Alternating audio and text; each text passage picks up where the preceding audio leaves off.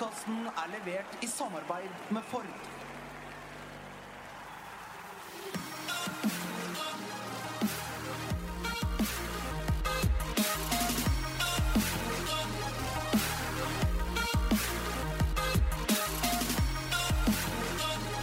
Han har vunnet Premier League tre ganger. Han er første nordmann som har vunnet eh, Premier League. Han var lenge den eneste som hadde vunnet Premier League med to ulike klubber. Han har vunnet Champions League. Han har 100 landskamper for Norge. Han har vunnet eh, ligaen i Polen. Og han har vært manager i England. Og det er en stor glede å ønske deg velkommen, eh, Henning Berg. Jo, takk for det. Hyggelig å se deg nå. Det er lenge siden. Det er alltid hyggelig å se deg, Kasper. Det, vi kommenterte noen kamper sammen, vi. Det var fint, det. Vi gjorde det. Ja. Og siste kampen vi kommenterte sammen, tror jeg, eh, det var siste gang Manchester United-fansen hadde noe ordentlig å juble for. Da tror jeg ikke de hadde sett for seg at livet skulle bli sånn som eh, det etter hvert har blitt. Da slo de Aston Villa 3-0. eh, og vant sitt hittils eneste ligamesterskap. Og det var den, må ha vært den tredje siste kampen da, til sir Alex Ferguson. Ja, nei, det var jo kult det å være på Old Trafford da, selvfølgelig. Det er litt spesielt. Med, skulle, når han avslutter og blir seriemester, så var det en sinnssyk scoring da, med pasning fra Rooney til van Nistelrooy som bare banka han på volleyen. Det, Van Persie. van Persie, sorry. Det, det er eh, Det var artig å se. Ja, tror jeg et av de, eh, et av de fineste målene jeg har sett live, faktisk. Ja, det er deilig å se sånt. Altså. Det, er- det er kult å se det på TV men eh, når du ser det og opplever det live, så begynner du bare wow. Og det var jo også litt spesielt etterpå, for at sir Alex Ferguson han, eh, han gjorde nesten ikke intervjuer etter match. Han gjorde knapt det han måtte gjøre. Eh, For han boikotta vel BBC der lenge, også i hvert fall én av disse kanalene. Så han gjorde maks ett intervju, som han var forplikta til etter kamp. Eh, og så står vi der i eh, tunnelen der man gjør intervjuer etterpå. Og så kommer hun pressesjefen og så sier hun pga. Henning Berg så har sir Alex Ferguson sagt at du får intervjue sir Alex. Men han kommer etter hvert, smør det med tålmodighet. Eh, og så husker jeg da eh, de som eh, jobber for Premier League TV, spurte om å få låne deg. Eh, kan vi bare få låne Henning Berg ut på matta og få noen kommentarer fra, fra han? Og da kom pressesjefen og sa eh, hvis ikke du nå bare holder fast i armen til Henning Berg, hvis du slipper han, så tror jeg du kan glemme sir Alex òg. Så hold fast i, i Henning. Um, Fikk gjort et intervju som da må da ha vært eh, så å si det siste seiersintervjuet noen gang gjort med sir Alex Ferguson. Eh, han var blid. Vi fikk mer enn de to tilmålte spørsmålene.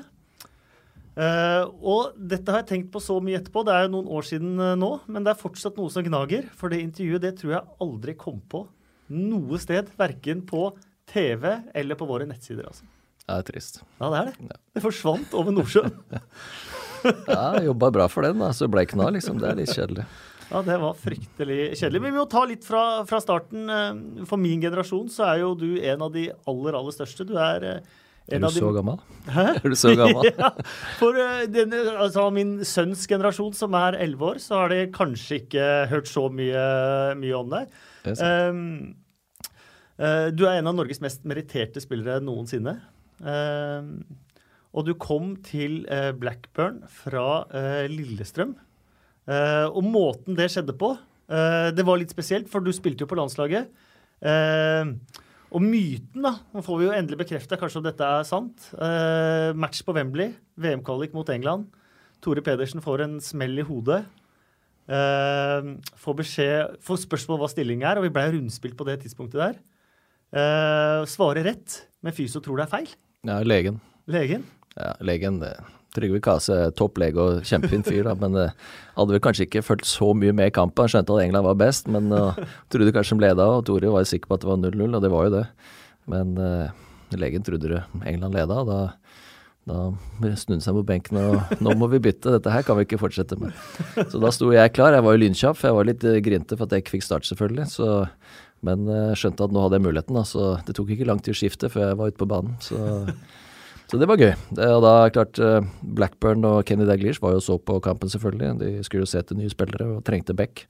Jeg spilte en bra kamp som back og ble invitert på prøvetrening ja, når den norske sesongen var ferdig, da. Eller noen uker seinere. Så, så da var jeg der, og da gikk det bra. Og da fikk jeg tilbud om kontrakt, og da, da dro jeg dit. Nå fikk jo Tore kontrakt med Blackburn seinere i karrieren sin, så det, det Kanskje Ja. Så han ødela ikke altfor mye for han, da. Men er, jeg tror det er eneste gangen jeg har hørt om uh, det at en spiller får smell i huet, sier riktig stilling og blir bytta ut fordi uh, legen tror han er surrete. Ja, nei, det er ikke Jeg, tror ikke Tore var helt fornøyd med det, men uh, greit nok. men det er livets tilfeldigheter òg, da. Ja, det er det. Og det er sånn er det. Som du, jeg har vært kjempeheldig og fått opplevd sykt mye. Men du skal ha litt flyt, du skal ha litt tur med bytter hit og dit. Og min, min spillekarriere så så har jeg tatt små steg hele veien. Jeg har liksom, gått, har liksom ikke gått fra KFM Oslo til, eh, til, Manchester United. Det har vært eh, KFM Oslo, så var det Vålerenga, så var det Lillestrøm, så var det, så var det Blackburn, så var det United. Og så begynte det å trappe ned igjen. Tilbake i Blackburn og Rangers. um, men du kom jo da altså uh, til uh, i 1992-93 der. Det var få mennesker nesten i verden innen fotballen som var større enn Kenny Daglish. Ja, det er helt riktig. Jeg var United-supporter som, eh, som, liten, da. Men uh, jeg brydde meg ikke så mye om det når, uh, når Kenny sa at uh, du må spille i Blackburn. Så jeg må si den tida når jeg kom fra, til Blackburn fra, fra Norge, de to-tre første åra der var nok den tida jeg utvikla meg mest som fotballspiller. Eh, mest pga. at jeg spilte sammen med veldig veldig gode fotballspillere. Vi hadde en bra treningskultur, vi jobba hardt og alle ville bli bedre. og alle var på vei, De fleste var på vei oppover. og Så hadde vi en supermanager i Daglish som var ekstremt fotballsmart, hadde en bra spillestil som passa meg, og en rolle i laget som passa meg. Og så ja, en veldig veldig god trener i Ray Harford. Så eh, som unggutt å komme over inn i den gruppa der sånn, det var de gjorde det mye lettere for meg, da. Eh, selv om ok, jeg sleit litt det første halve året, og uh, igjen, det sto og vippa i sånne første kampen jeg spilte fra start. Liga, uh, semifinalen i ligacupen, hjemme mot Sheffield Wednesday. Spilte mot jeg vet ikke om du husker, sikkert Chris Waddle spilte høyreving, og John Haag spilte venstreving. To gode spillere. Jeg gikk med hockeysveis mange år av barndommen min pga. Chris Waddle. Jeg, jeg, jeg, nevnte det for nå.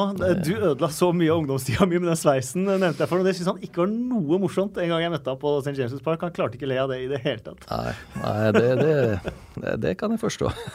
Men uh, i hvert fall så Det var debuten min da vi tapte 4-1 hjemme. Jeg fikk skylda for det første målet vi slapp inn, og Patrick Andersen debuterte også også. Svensken, som seinere ble Champions League-mester med, med, Barcelona, han, han fikk sløv for de tre andre. Så neste kamp satt vi øverst på tribunen, begge to.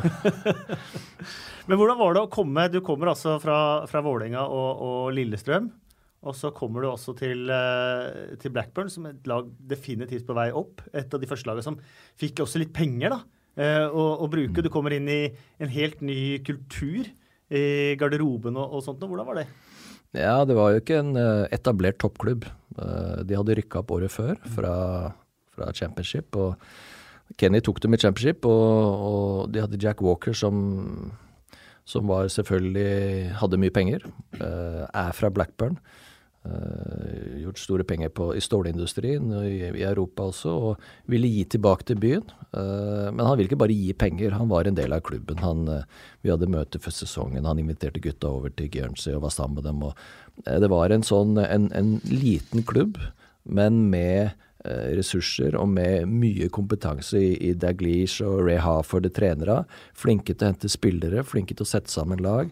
Og så var vi mange unge spillere på par og 20 til 26 år som, som kom sammen. Uh, og det ble en ganske stor energi av, ja, altså. Og med noen rutinerte utafor, så ja, det var en uh, veldig, veldig bra tid.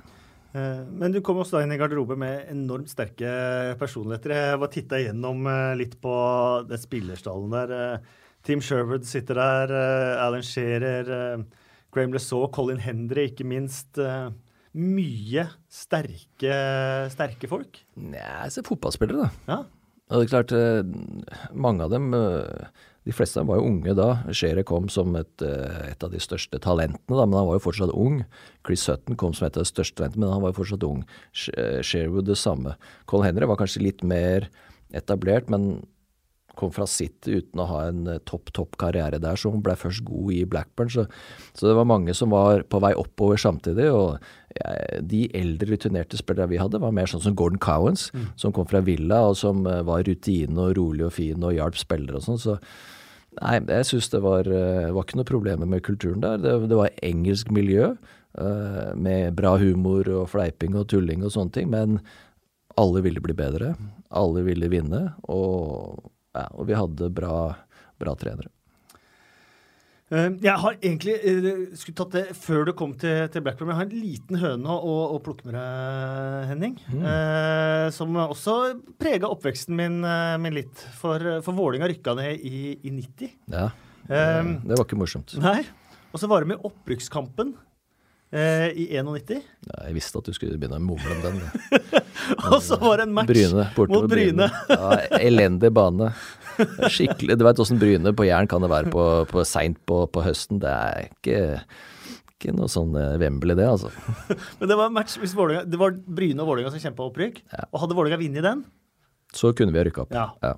Nei, vi hadde ikke definitivt rykka opp, vi hadde trua én kamp igjen, men ja. da hadde vi fortsatt hatt mulighet til å rykke opp. Mm. Vi tapte 1-0. Var det bare 1-0? Ja, var det ikke 3? Nei, det kanskje ble 3 til slutt. Ja. Men jeg husker at jeg hadde en litt, litt uh, kort pasning tilbake til Jeg var så stor, jeg var i Muggeby. Jeg husker ikke helt En keeper, i hvert fall. Så ja, det, det var surt. Altså. Det var ikke artig å gå på bussen etter kampen da, skal sitte noen timer tilbake, og det, nei, det var tungt. Og så rett til Lillestrøm, gitt. Ja, men husk at jeg var i Vålerenga tre år. Uh, også når vi rykka ned i 1990 et eller annet. Ja så, så kunne jeg gått. Kunne gått til Start, kunne gått andre steder. Start var på vei opp, og sånn, det var flere lag som var interessert. Men jeg tenkte nei, nå, nå har vi rykka ned. Da, hvis jeg bare stikker av, det er klønete. Uh, om jeg spiller et år i, i første divisjon, det, det, jeg har lyst til å hjelpe hvordan jeg kom opp igjen. Jeg bare spilte på UN20-landslaget, men uh, det gikk fint. Det var greit. og Klarte ikke å rykke opp, ble nummer tre, tror jeg. Og da, da tenkte jeg ok, hvis jeg nå par år til i første divisjon, det er ikke beste. Så hadde jeg mulighet til å gå, da, da var Lillestrøm en, en, bra mulighet for meg. Man ser uh, hva som skjedde etterpå der, og de holdt på å rykke ned fra førstedivisjon igjen året etter. Ja. Så viste vel det seg å være en relativt klok uh, avgjørelse til slutt. Ja. Uh, men for noen var det tungt der og da?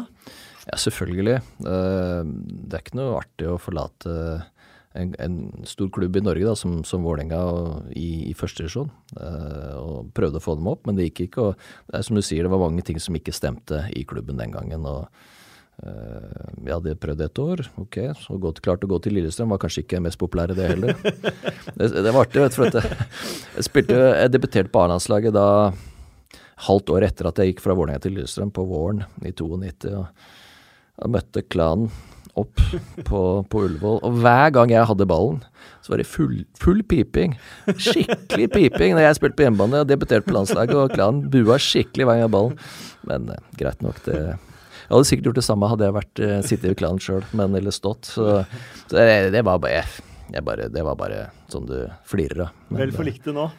Nei, men det, selv den gangen også. Det, pff, ingen fare. Det, jeg, skjønner, jeg skjønner dem, og det var greit. Tilbake til, eh, til eh, Blackburn. Da. det var jo definitivt et lag på vei eh, opp, som henta spillere. Bedre og bedre resultater sesong for sesong. Mm. til ligagullet da, da kom ligamesterskapet kom for en Og Blackburn er en liten, liten klubb sammenligna med de store klubbene som har vunnet Premier League før og etter. Ja, det, det er ingen som helst tvil om. Men det er en tradisjonsrik klubb. Var jo med og starta Var jo første i ligaen i 1888, tror jeg. Mm, en av Original 12. Ja, riktig. Så det, de, de, er stolte av den historien. Og så sist de vant seriemesterskapet var i 1912, da. så det, det er en stund siden de har vært veldig gode. Men det er klart, det, når Jack Walker tok over, og han fikk klarte å hente Kenny Daglish, da har du to gode forutsetninger. For da har du en eier som har penger, som er fornuftig, som kan eh, vite hvordan han skal håndtere det. Så har en, en trener som var, øh, var en av de beste spillerne, men også har vunnet øh, som manager i, i, Liverpool.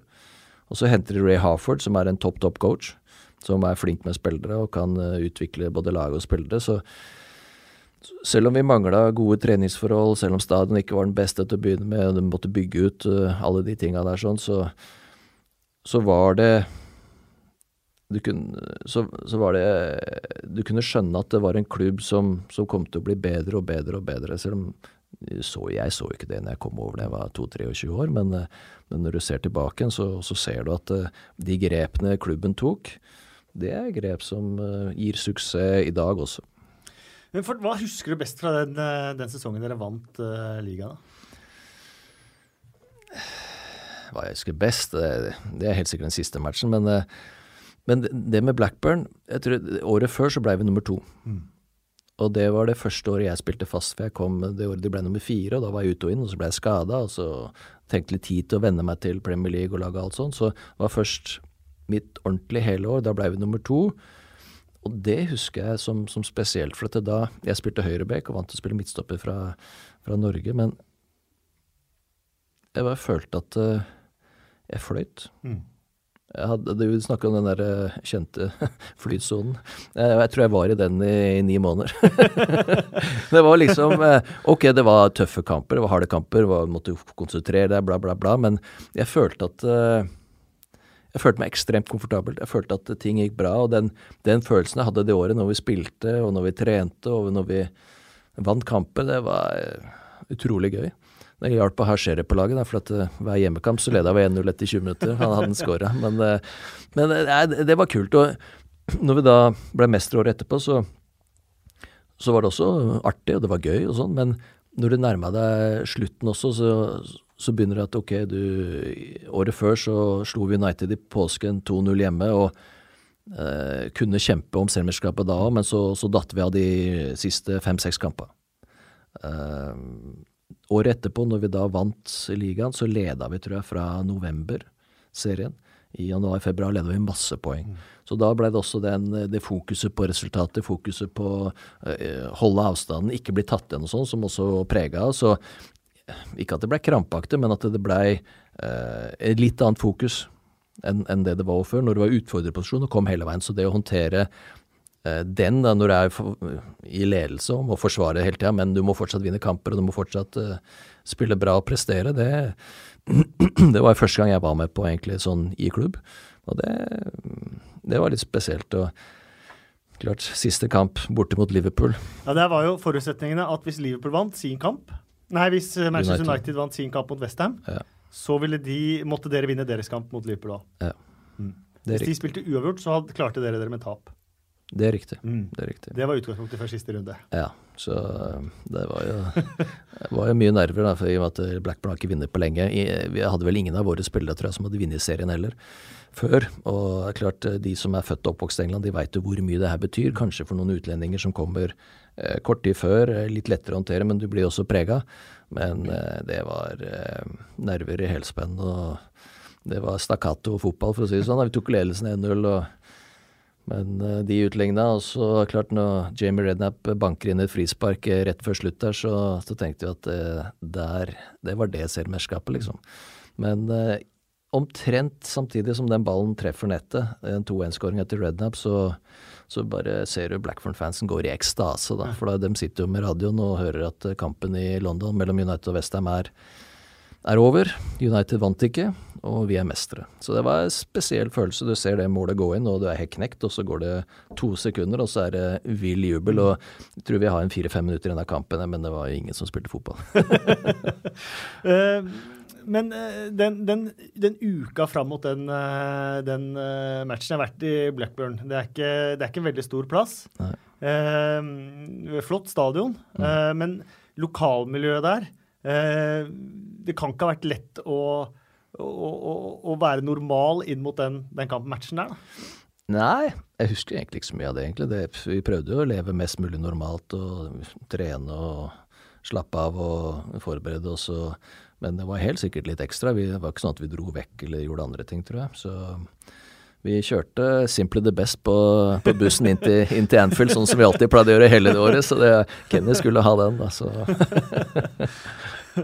uh, fikk dere beskjed om hvordan det gikk i Manchester United-kampen underveis? Nei, Nei. gjorde ikke det. Men uh, før kampen så satt Chris Hutton i garderoben og vi kommer til å tape seriemesterskapet. Jeg kommer til å bomme alene med keeper. Vi kommer til å tape seriemesterskapet. Så det var kanskje ikke den beste oppladninga. var ikke akkurat den mest positive, men uh, nei. Han bomma en kjempesjanse etter kvarter, tror jeg. Scherer putta han alene med keeper, han bomma. Så, og vi visste jo hva han hadde sagt i garderoben, så tenkte jeg at ja da. Ja, det ble jo rett, det. Men uh, den store helten for dere ble Ludek uh, Miklosko. Uh, Westham-keeperen ja, ja. som sto sitt livs match i den andre kampen. Ja, Andy K var vel ikke helt fornøyd med det. Han var den med det et par ganger, så Nei, han fikk en eh, stående av ovasjoner når han kom til Ewood året etterpå. Alle han tror de sto og klappa for ham i 20 minutter. Men var det noe sånn at Kenny sendte han noe sjampis eller noe, noe, noe greier der? Var det noe, var det noe sånt noe? Ja, det kan godt hende at han gjorde det. Han hadde vel ikke lovt om det på forhånd, men jeg tipper at uh, han var uh, Kenny husker at Daglish ble seriemester med Blackburn på Anfield mm. som en uh, Liverpool die hard og legende, så, så er det spesielt. Mm. Eh, og, for, og, for, dere som da vant, eh, vant ligaen eh, ja, første gang siden 1912 i, i Blackburn, har du vært der seinere nå, ja, etter at Den tida et, mellom manager og Uh, er det sånn at du fortsatt drikker gratis uh, når du kommer dit, liksom? Er, det, er, det, er dere sånn i, i, gullskrift, hele den gjengen der? Nei, nei, det er det ikke. Det, nei. Nei, vi er vanlige folk, da. Men det er klart, de, de husker jo selvfølgelig de spillerne som, som, spilte i den beste tida. Uh, det gjør de jo. Nå er vel ikke ølen det dyreste du kjøper opp heller, så det er ingen fare med det. Men uh, nei, folk setter pris på det, selvfølgelig. De, de husker hvem som spilte og når, når det gikk ordentlig bra. Nå har det ikke gått så bra i det siste, men Nei, Det skal vi komme tilbake til, for du fikk jo mye kjennskap til, til hvordan det faktisk er er der nå, de, da du var manager der, og, og, og, ja, det var ikke så lenge, da. og, sånn som det er nå. Det har vært ekstremt mye frustrasjon både i byen og, klubben eh, de siste, siste årene. Og har kanskje ikke vært etter Jack Walkers arv. Eh, hvordan den klubben drives, eh, drives nå. Men det, det kommer litt mm, okay. tilbake til seinere. Ja. Ja. eh, langt, langt, program, eller? Ja da, da. Vi har, en, vi har vel en times, times tid, om ikke det? Ja, det er jo nydelig. um, for du, um, du blei jo Jeg lurer på om du var et par dager fra å være verdens dyreste forsvarer da du, da du ble solgt til, til Manchester United. Ja, Det veit jeg ikke, men det var, det var, bra med penger, ja. Mhm. Mm. Fem millioner pund, uh, pund da ja. Eh, for en forsvarsspiller. Ja, nei, det pundkursen var tolv år, vet du. Ja. Eh, hvordan, hvordan, kom den i stand? Ja, altså det United trengte forsvarsspillere. De hadde jo Ronny Johnsen, som hadde gjort det veldig bra. Han var i Lillestrøm og dro til Besiktas og spilte veldig bra der. og vi var gode på landslaget sammen. Jeg tipper også at de, de så, så, landskampene vi spilte. Vi hadde jo slått Brasil eh, var det året før, jeg husker ikke. Eller var det en sommeren? Nei, det var kanskje ja, tidligere. Men uh, uansett, så Jeg var på prøvespill i United i 88. Uh, eh, jeg hadde spilt turnering med KFM, juniorlag til KFM i, i, USA. Da var det en speider, Brian King, som uh, som, hadde, som jobba for Manchester United, mm. og anbefalte meg for Ferguson. Så jeg signerte for Vålerenga, men eh, i karanteneperiode. Den gangen hadde jeg 14 dagers karantene mellom mm. klubber. Så da trente jeg med United en uke. Så det var første gang jeg, jeg møtte United og Ferguson og, og fikk sett på forholda. Da uh, hadde jeg ikke nok landskamper til å få uh, kontrakt. Uh, ja, arbeidstillatelse var det som var greia. Det er Vanskelig riktig. for nordmenn da. Det er riktig. Så så det ble ikke noe av. Jeg, jeg, var ikke god nok der heller, så det, er ikke noe å si på. Så det, hadde jeg gått dit og spilt på annetlaget, hadde ikke vært noe særlig, så det var mye bedre å være i Vålerenga. Uh, men det var første kontakten. og så når jeg da kom til Blackburn og begynte å spille der, og så vi ble nummer to og kjempa med United om seriemesterskapet, de vant. Året etterpå så vant vi. Uh, Daglish slutta. Ray Harford tok over. Han var en, kanskje en av de beste trenere jeg har hatt, men var ikke det samme som, som manager. Uh, klarte å håndtere akkurat den, den overgangen. Eh, men det var ikke lett heller, for det var et lag som hadde vunnet serien og som aldri har vunnet før, og visste ikke hvordan de skulle håndtere det. Og, ja, det var mange, mange ting der. Men uh, han måtte slutte. Uh, og det var da United kom på banen første gang om vinteren. Uh, de trengte spillere. Blackburn sa nei. Jack Walker sa hvis United kommer til sommeren og, og, du vil gå, og du ikke er happy med de spillere vi henter, så, så, kan du gå til United. Så når United kom tilbake igjen i august, og uh, vi hadde fått Roy Hortsen som trener, så det, det var bra. Uh, så vi hadde, hadde en måned opptrening med han, eller oppkjøring. Men United kom på banen igjen og, og ville handle, og Jack Walker sa OK, uh, vil du gå? Så, ja, vi har ikke akkurat kjøpt verdens beste spillere, så Og selvfølgelig si nei til United da, det ville vært vanskelig. Så ja, jeg vil gå. Ok, greit, da kan du gå, hvis, hvis vi blir enige om pris. Det ble det med heldigvis, og da kunne jeg gå. Å komme dit, da? Ja, det var jo et, uh, på et litt annet nivå, selv om vi på banen hadde kjempa jevnt med dem og ja, slått dem og kjempa jevnt med dem, så, så, er selvfølgelig Manchester United en storklubb.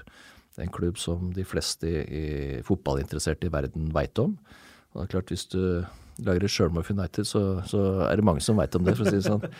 På samme måte som hvis du spiller bra, så er det også mange som veit det. Så eh, litt annerledes i forhold til forventninger. Det, i, jo, på, I Manchester så er du forventa å, å, vinne kamper hele uka, flere ganger i uka, og forventa å, å, vinne ligaen og cupen.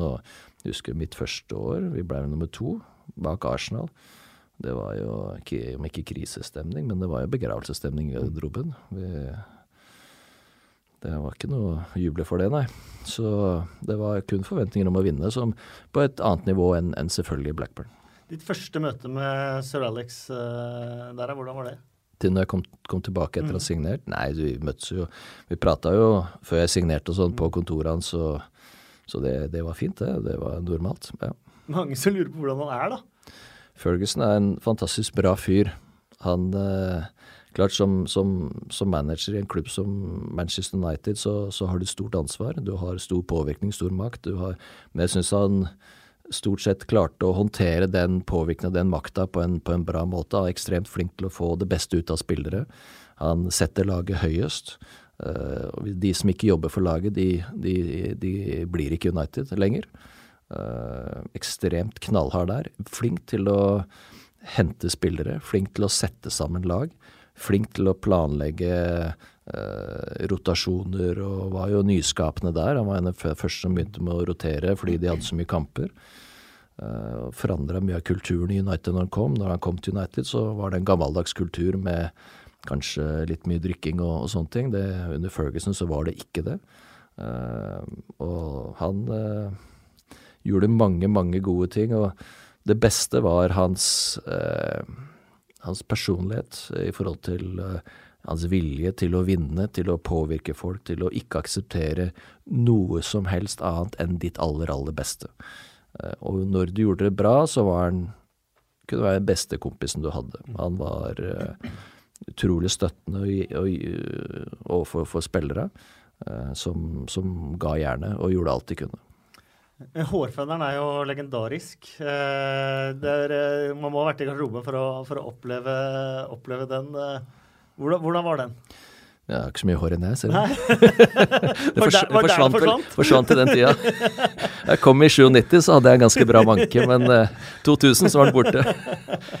Nei, det er klart det, det er intensitet i den uh, driveren der òg, for å si det sånn. Så det er ikke sånn, uh, er ikke sånn én, to, tre knapper på hårføneren. Det er enten av eller på, og da blåser det. Så nei, han er Og det går på vinnervilje, og snakker om tilbakemeldinger og sånne ting òg, men han han hadde utfordringer med å håndtere at spillere ikke var på sitt aller beste, eller ikke klarte å spille opp på sitt beste hver gang. Det var, det? Det, det var, ikke bra. Men var det noen spillere som var mer utsatt for hårføneren hans enn andre? Ja, hårføner og hårføner Nei, ikke hårføner. Uh, hårføner kunne ramme de fleste. Uh, på litt forskjellig måte, men uh, de fleste som jeg var der, fikk høre det. Så Men jeg har hørt at det var liksom litt sånn Hvis man leser andre biografier og sånt, litt sånn taktikker på Nå er det viktig å ikke se henne i øya, eller og litt sånne ting? Nei, nei det, det, der er jeg aldri. Jeg ser ham alltid i øya. Så det, det, var ikke noe for meg å tenke på. Uh, om det blei litt mer blåst i, i føneren da, det veit jeg ikke. Men, uh, men eh, nei, det er en del av livet, og det, jeg fikk en ordentlig skikkelig en i borte, Vi spilte bort mot Westham. Da var uh, Joe Cole var jo ung og lovende, og jeg visste ikke Han var litt kjappere enn det jeg trodde, da. Så jeg lagde straffe, og vi tror vi leda 1-0. Ble 1-1. Så rett før slutt så kom de til et innlegg, og jeg skulle blokkere på innsida. Han faka innlegget, dro seg rundt på ansida, slo inne, og så skåra det. Det er klart det da var en hissig skott i garderoben etterpå. Da, Da fikk vi pepper. Men uh, jeg tror det var den eneste gangen jeg fikk ordentlig, ordentlig pepper. Men, men det er klart, uh, Gary Pallister var den som fikk, om ikke hårføneren, men det var sånn nesten i hver pause så, så fikk han pepper. Det, men han spilte jo hver kamp, da, så det gjorde ingenting. Så for, og Gary tror jeg trengte det. Han måtte, For at han skulle komme seg opp på sitt beste nivå, så måtte han ha litt pepper i, i pausen. Ellers så sovna han omtrent. ikke han var rolig avslappa. Men uh, så, så, det tror jeg Ferguson gjorde bevisst. Når det gjaldt andre, så, ja, så gikk det med på han, at det ikke levde opp til forventningene hans. da. Men du er jo snakker med, snakker med Drillo i, i går, blant annet. Eh, du har et veldig veldig godt fotballhode, sier alle som har vært i en eh, garderobe sammen med deg. Hadde det som, som spiller òg. Eh, en som eh, trener og manager kanskje tok til, til råds. Eh, gjorde Sør-Alex det med deg? Nei. Nei. Nei, ikke så mye. Jeg veit at uh, han snakka med flere av de etablerte spillere. Det gjorde han. Men jeg var egentlig ikke inne i den loopen. Uh, selv om jeg ble henta for mye penger, så, så, var det mange andre uh, bedre og dyrere og mer etablerte og rutinerte spillere der. Han, jeg tror han så på meg som en, en bra fyr, og han kunne være en leder på banen også, men han støtta seg mer på andre spillere i, i United. Mm. Men Han har sagt, eh, sagt, om deg Jeg er overbevist om at Henning Berg blir manager i en stor Premier League-klubb. Han jobber hardt, lærer fort, og i tillegg har han et godt fotballsyn. Vi har et tett forhold, og Henning vet han alltid kan ringe meg. Ja. eh, tett forhold veit jeg ikke, men vi eh, Jeg veit at jeg alltid kan ringe han, og har ringt han sånn innimellom eh, opp gjennom åra òg, så han, eh, han, gir gode råd, for å si det sånn, og ja, har, er fornuftig fyr. Så det har en sinnssyk erfaring, så det ville vært klønete hvis jeg ikke skulle benytta meg av det.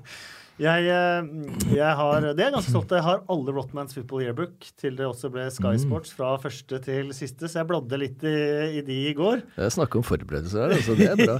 ja.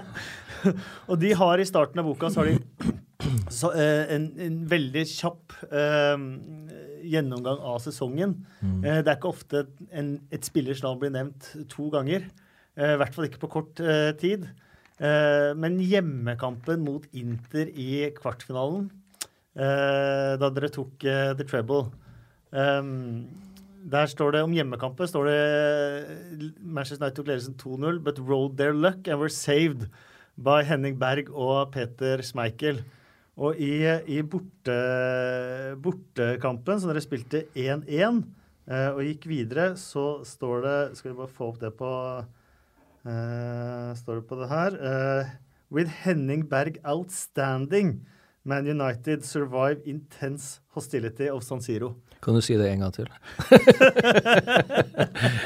Fortell om uh, først den, uh, den, hjemmekampen. Der hadde du bl.a. en redning på strek eller, uh, ja. to der. Jo, det er sånn som forsvarsspiller, så, så får du ikke alltid så mye årsskifter, for det er som regel spisser som, som skårer mål. og Når laget slipper inn mål, så er det forsvarsspillerne som har skylda. Så det er, det, er, det er, ofte den veien da, for oss som spiller lenger bak, men det er noe vi tåler.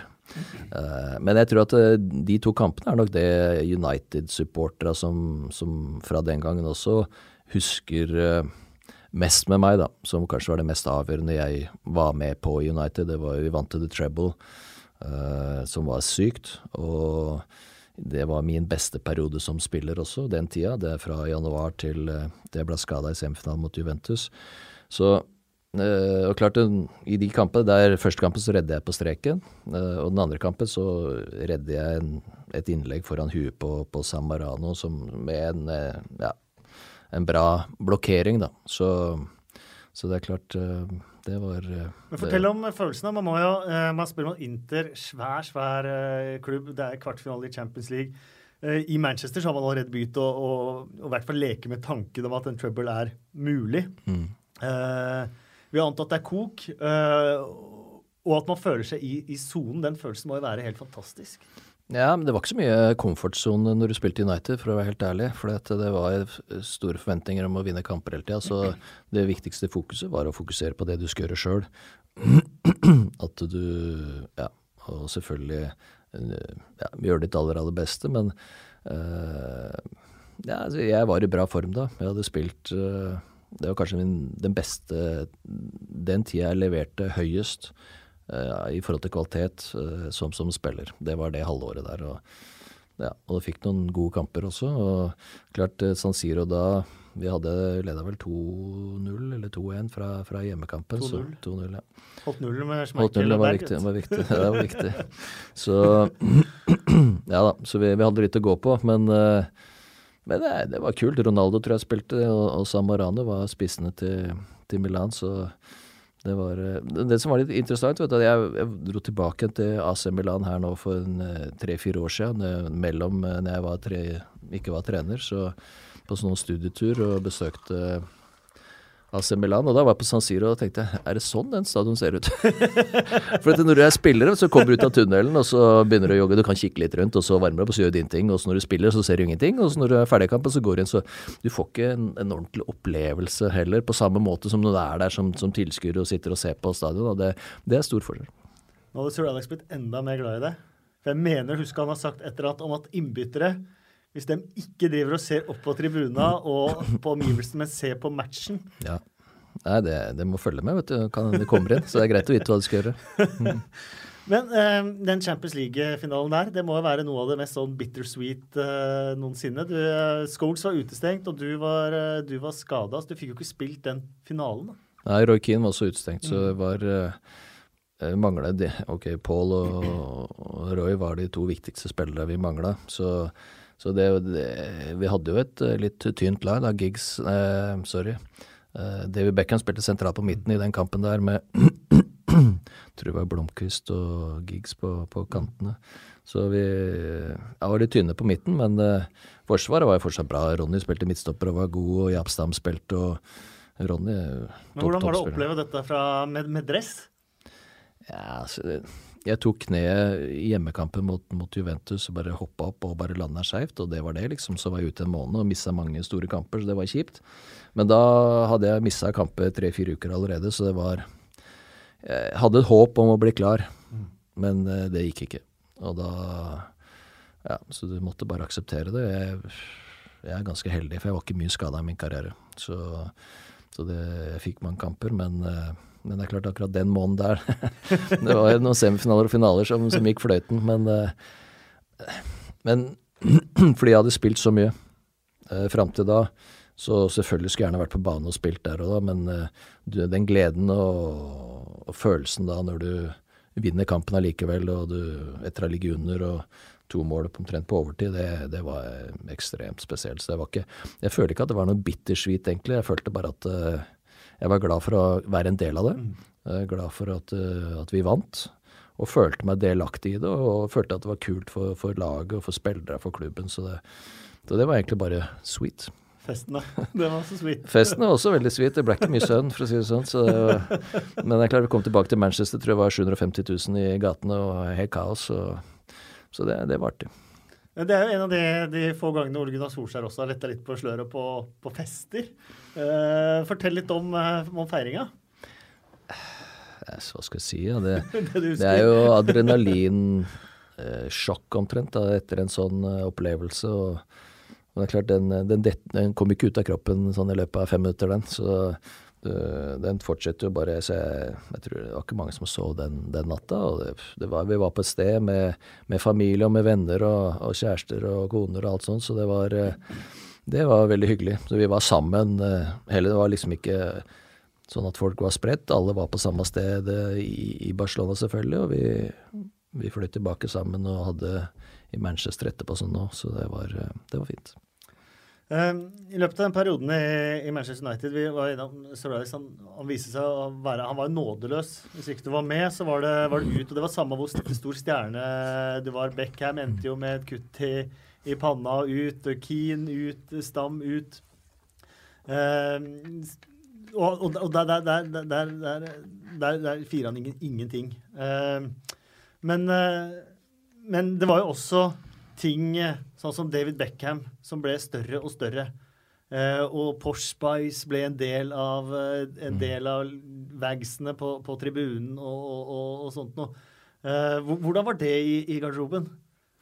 Nei, Det var ikke noe problem i det hele tatt. For David var helt vanlig en av gutta i garderoben. Han har aldri noe flash, aldri noe skal kjekke seg, aldri skal vise seg.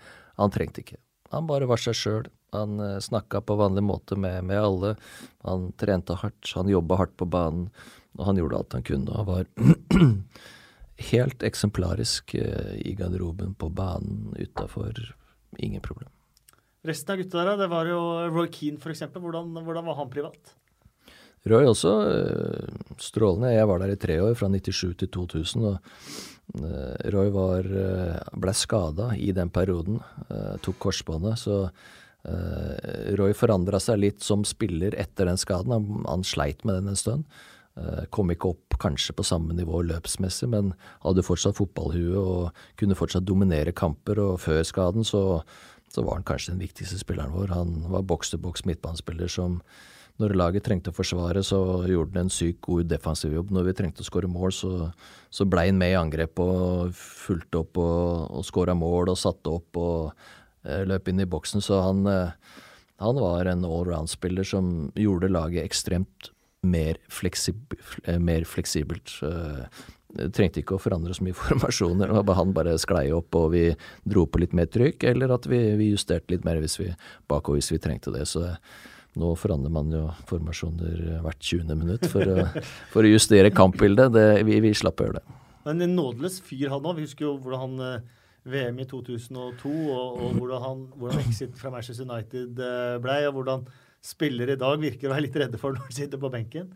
Jeg veit ikke om de er redde for ham, men det er klart eh, han er en sterk personlighet og sier det han mener. og ja, eh, er opptatt av rettferdighet. og Har jo vært trener sjøl nå også, hadde jo suksess med Sunderland, og kanskje ikke så mye suksess andre steder etter det. Men nei, eh, Roy var i, Når jeg spilte med han, vel, var en bra kaptein og en bra leder i gruppa. Hvem var det som var liksom uh, jokeren i, i den, uh, den, garderoben uh, der? Ja, så du hadde Dwight York, nummer én. Det som var spesielt, var at vi ble nummer to etter Arsenal i første året, og garderoben var om ikke død, men var stille. Det var stille, og folk var langt nede, og alle var grinete og misfornøyde med at vi ikke vant serien, og det hang i ganske stønn. Så kom Dwight York ikke sant, og bare glisa. Du så jo det gliset hver eneste dag hele tida. Selv når Ferguson kjefta på han, så stod, satt han jo glisa. Så, så han eh, var eh, Ga mye uh, humør til, til gruppa. Uh, som, som, laget trengte, og mange blei litt mer avslappa. Uh, ja, tok av presset en del, egentlig, som var ekstremt viktig, i tillegg til at han skåra vel 30 mål i året. Så han og Cole var jo radarpar, og vi hadde jo Solskjær og, og Sheringham i, i, tillegg. så det eh, Spisser var ikke noe problem, men eh, den mentaliteten Dwight kom inn med, var ekstremt viktig for United på den tida. Mm. Det er ingen som helst tvil om. Og så kan du si at eh, hadde det vært en annen tid, så hadde det kanskje ikke vært så viktig, men akkurat i, i den tida så var det meget, meget viktig. Ryan Giggs er en annen en som selvfølgelig er kjapp og kan komme med morsomme og gode meldinger og en smart fyr. Så, ja, så det var jo flere, selvfølgelig. Nikki Butt, det samme. Så, så vi hadde flere som, som bidro med, med, humør i gruppa. Det, det var viktig. Uh, og så blei det etter hvert eh, Blackburn igjen. Mm. Uh, hvordan kom det til? Det kom jo til at jeg ikke spilte så mye som jeg hadde lyst til. Uh, jeg tenkte jo at det, det, er ingenting som er mer frustrerende å være så nærme det beste laget, men allikevel så langt unna når du sitter på benken eller du sitter på tribunen og du, du bare sitter og ser på. Det, det var vrient. Det var første perioden i min tid som, som fotballspiller hvor jeg, hvor jeg, ikke spilte mer eller mindre fast. Uh, og det, det, var ikke noe moro. Så når det hadde gått en stund, så, så tenkte jeg at nå Nei, da får jeg heller bytte. Prata du med Sir Alex om det? eller? Ja, selvfølgelig. Eh, og jeg prata med ham mye hvorfor jeg ikke spilte når jeg ikke spilte. sånn at eh, jeg ville ha forklaringer på, på ditten og datten, og det er greit nok. Eh, vi hadde bra forhold sånn, og han fortalte, og jeg hørte etter, og det, det var greit. så... Men det er klart, eh, etter hvert så, så kom det til en tid hvor du, du kan liksom ikke Jeg har lyst til å spille fotball. Og da var det et par andre klubber, men Blackburn hadde rykka ned til championship. Sunes var, eh, var, manager. De satsa for å komme opp igjen. De henta noen gode spillere eh, og hadde et lag som, som kunne rykke opp. Og da var det fristende å kunne være med på det.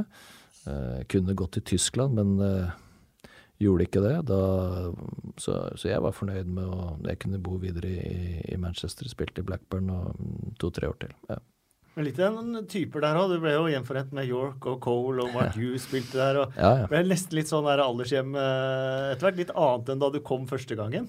Ja, og det var unge ja, fremvalgsstormene? Absolutt. Stor forskjell på, på, de to lagene. Det er ingen som helst tvil om det. Mye mer rutine, mer ja, en, en, annen måte å, å, jobbe på. Det er ingen som helst tvil om Sunes også var annerledes enn Daglish, selv om begge er Liverpool-legender og begge er kompiser. Eller de er kompiser, så, så var de som managere veldig, veldig forskjellige. Men, uh, men Sunes uh, var flink til å hente spillere. Han var flink til å også uh, ja, til å sette opp et lag som, som, som kunne vinne.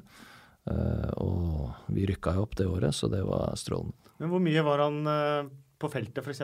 Ja, han var der hver dag. Han var, var gjerne med og spilte noen ganger òg, så Da måtte du, passe, da måtte du bruke leggskinn? Ja, det er helt riktig. Da var det bare å hoppe høyt når han kom uh, susende. For han, uh, han, likte å takle, og var kanskje ikke like kjapp som det han var uh, i sine glansdager. Så han måtte følge med.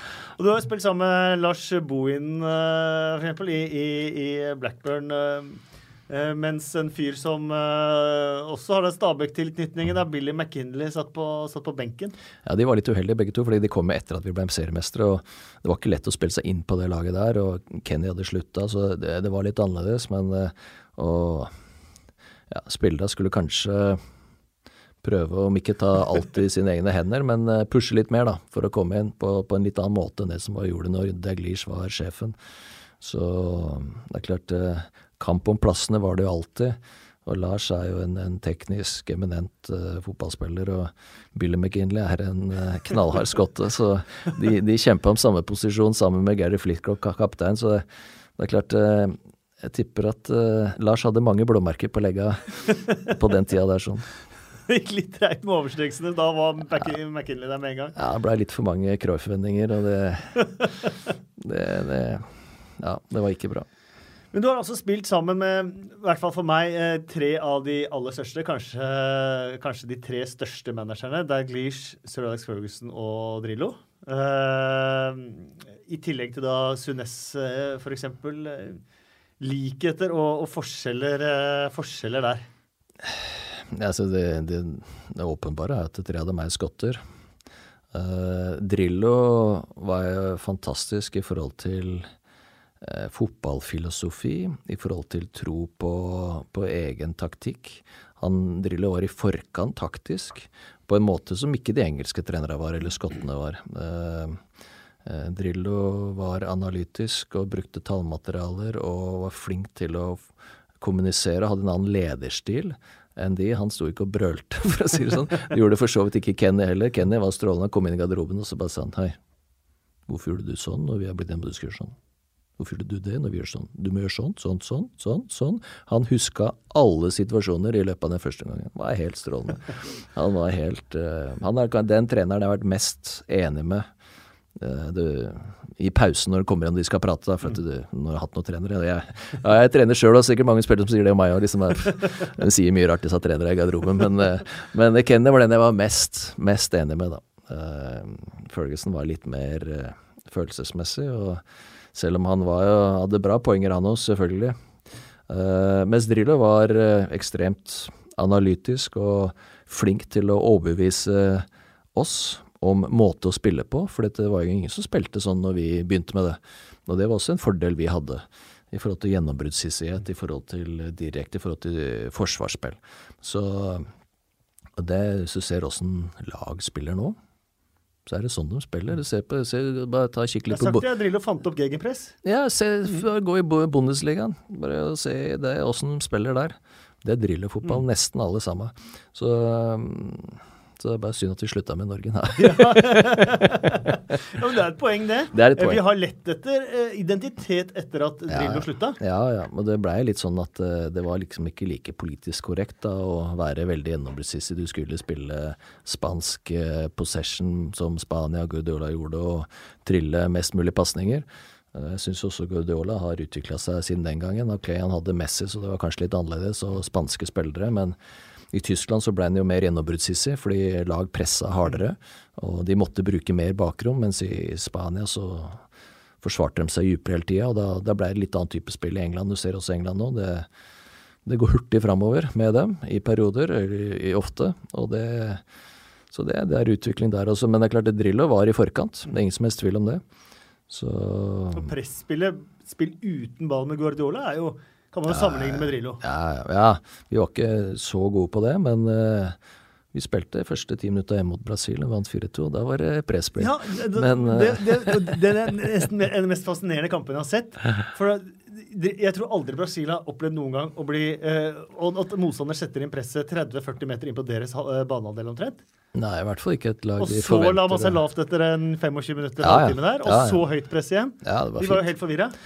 Ja, de var nok ikke helt forberedt på det. Det, det, det var ikke så mange, for var, vi gjorde det ikke så ofte. Men, uh, men Drillo mente at det var lurt, da. Og det var jo det. Ja. Så jeg husker Jeg spilte midtstopper med Ronny. Vi spilte mot uh, Romario og Ronaldo, og begge var, ikke, var i sin beste uh, tid. da. Så det var uh, Det står 2-2 mot de to gutta der. Det, det, er greit at det er bra Da er det ålreit at det er bra press på ballfører. Altså, hvis ikke så hadde det blitt vrient. av de managerne du har hatt, da, hvem vil du trekke fram liksom, som den du både har lært mest av, og som er best? Det er vanskelig å si, for at Ok, du kan alltids rangere det, men jeg følte at jeg lærte mye av alle. Mm. Eh, både det som var bra, som du har lyst til å ta med deg videre sjøl, og ting som ikke er bra. Og du lærer av dem som, som bomber og gjør feil, og sånn skal du i hvert fall ikke ha det. Det blir helt feil, ikke sant. Det, så jeg har lært av alle. Så, men det er klart, Drillo har ekstremt stor påvirkning i forhold til den tidlige fase, hvordan vi spilte, i forhold til taktikk og forståelse. Uh, vi hadde jo uh, Notkovic i, i Vålerenga var jo også strålende. Han hadde jo Liverpool som sitt favorittlag og snakka om det, altså. the, the, big red squeeze uh, i forhold til å presse og hvordan holde trøkket opp og dominere kamper. Uh, Sem var bra på mange måter. Uh, videreførelse av Drillo, men med, med litt, litt, litt, annerledes.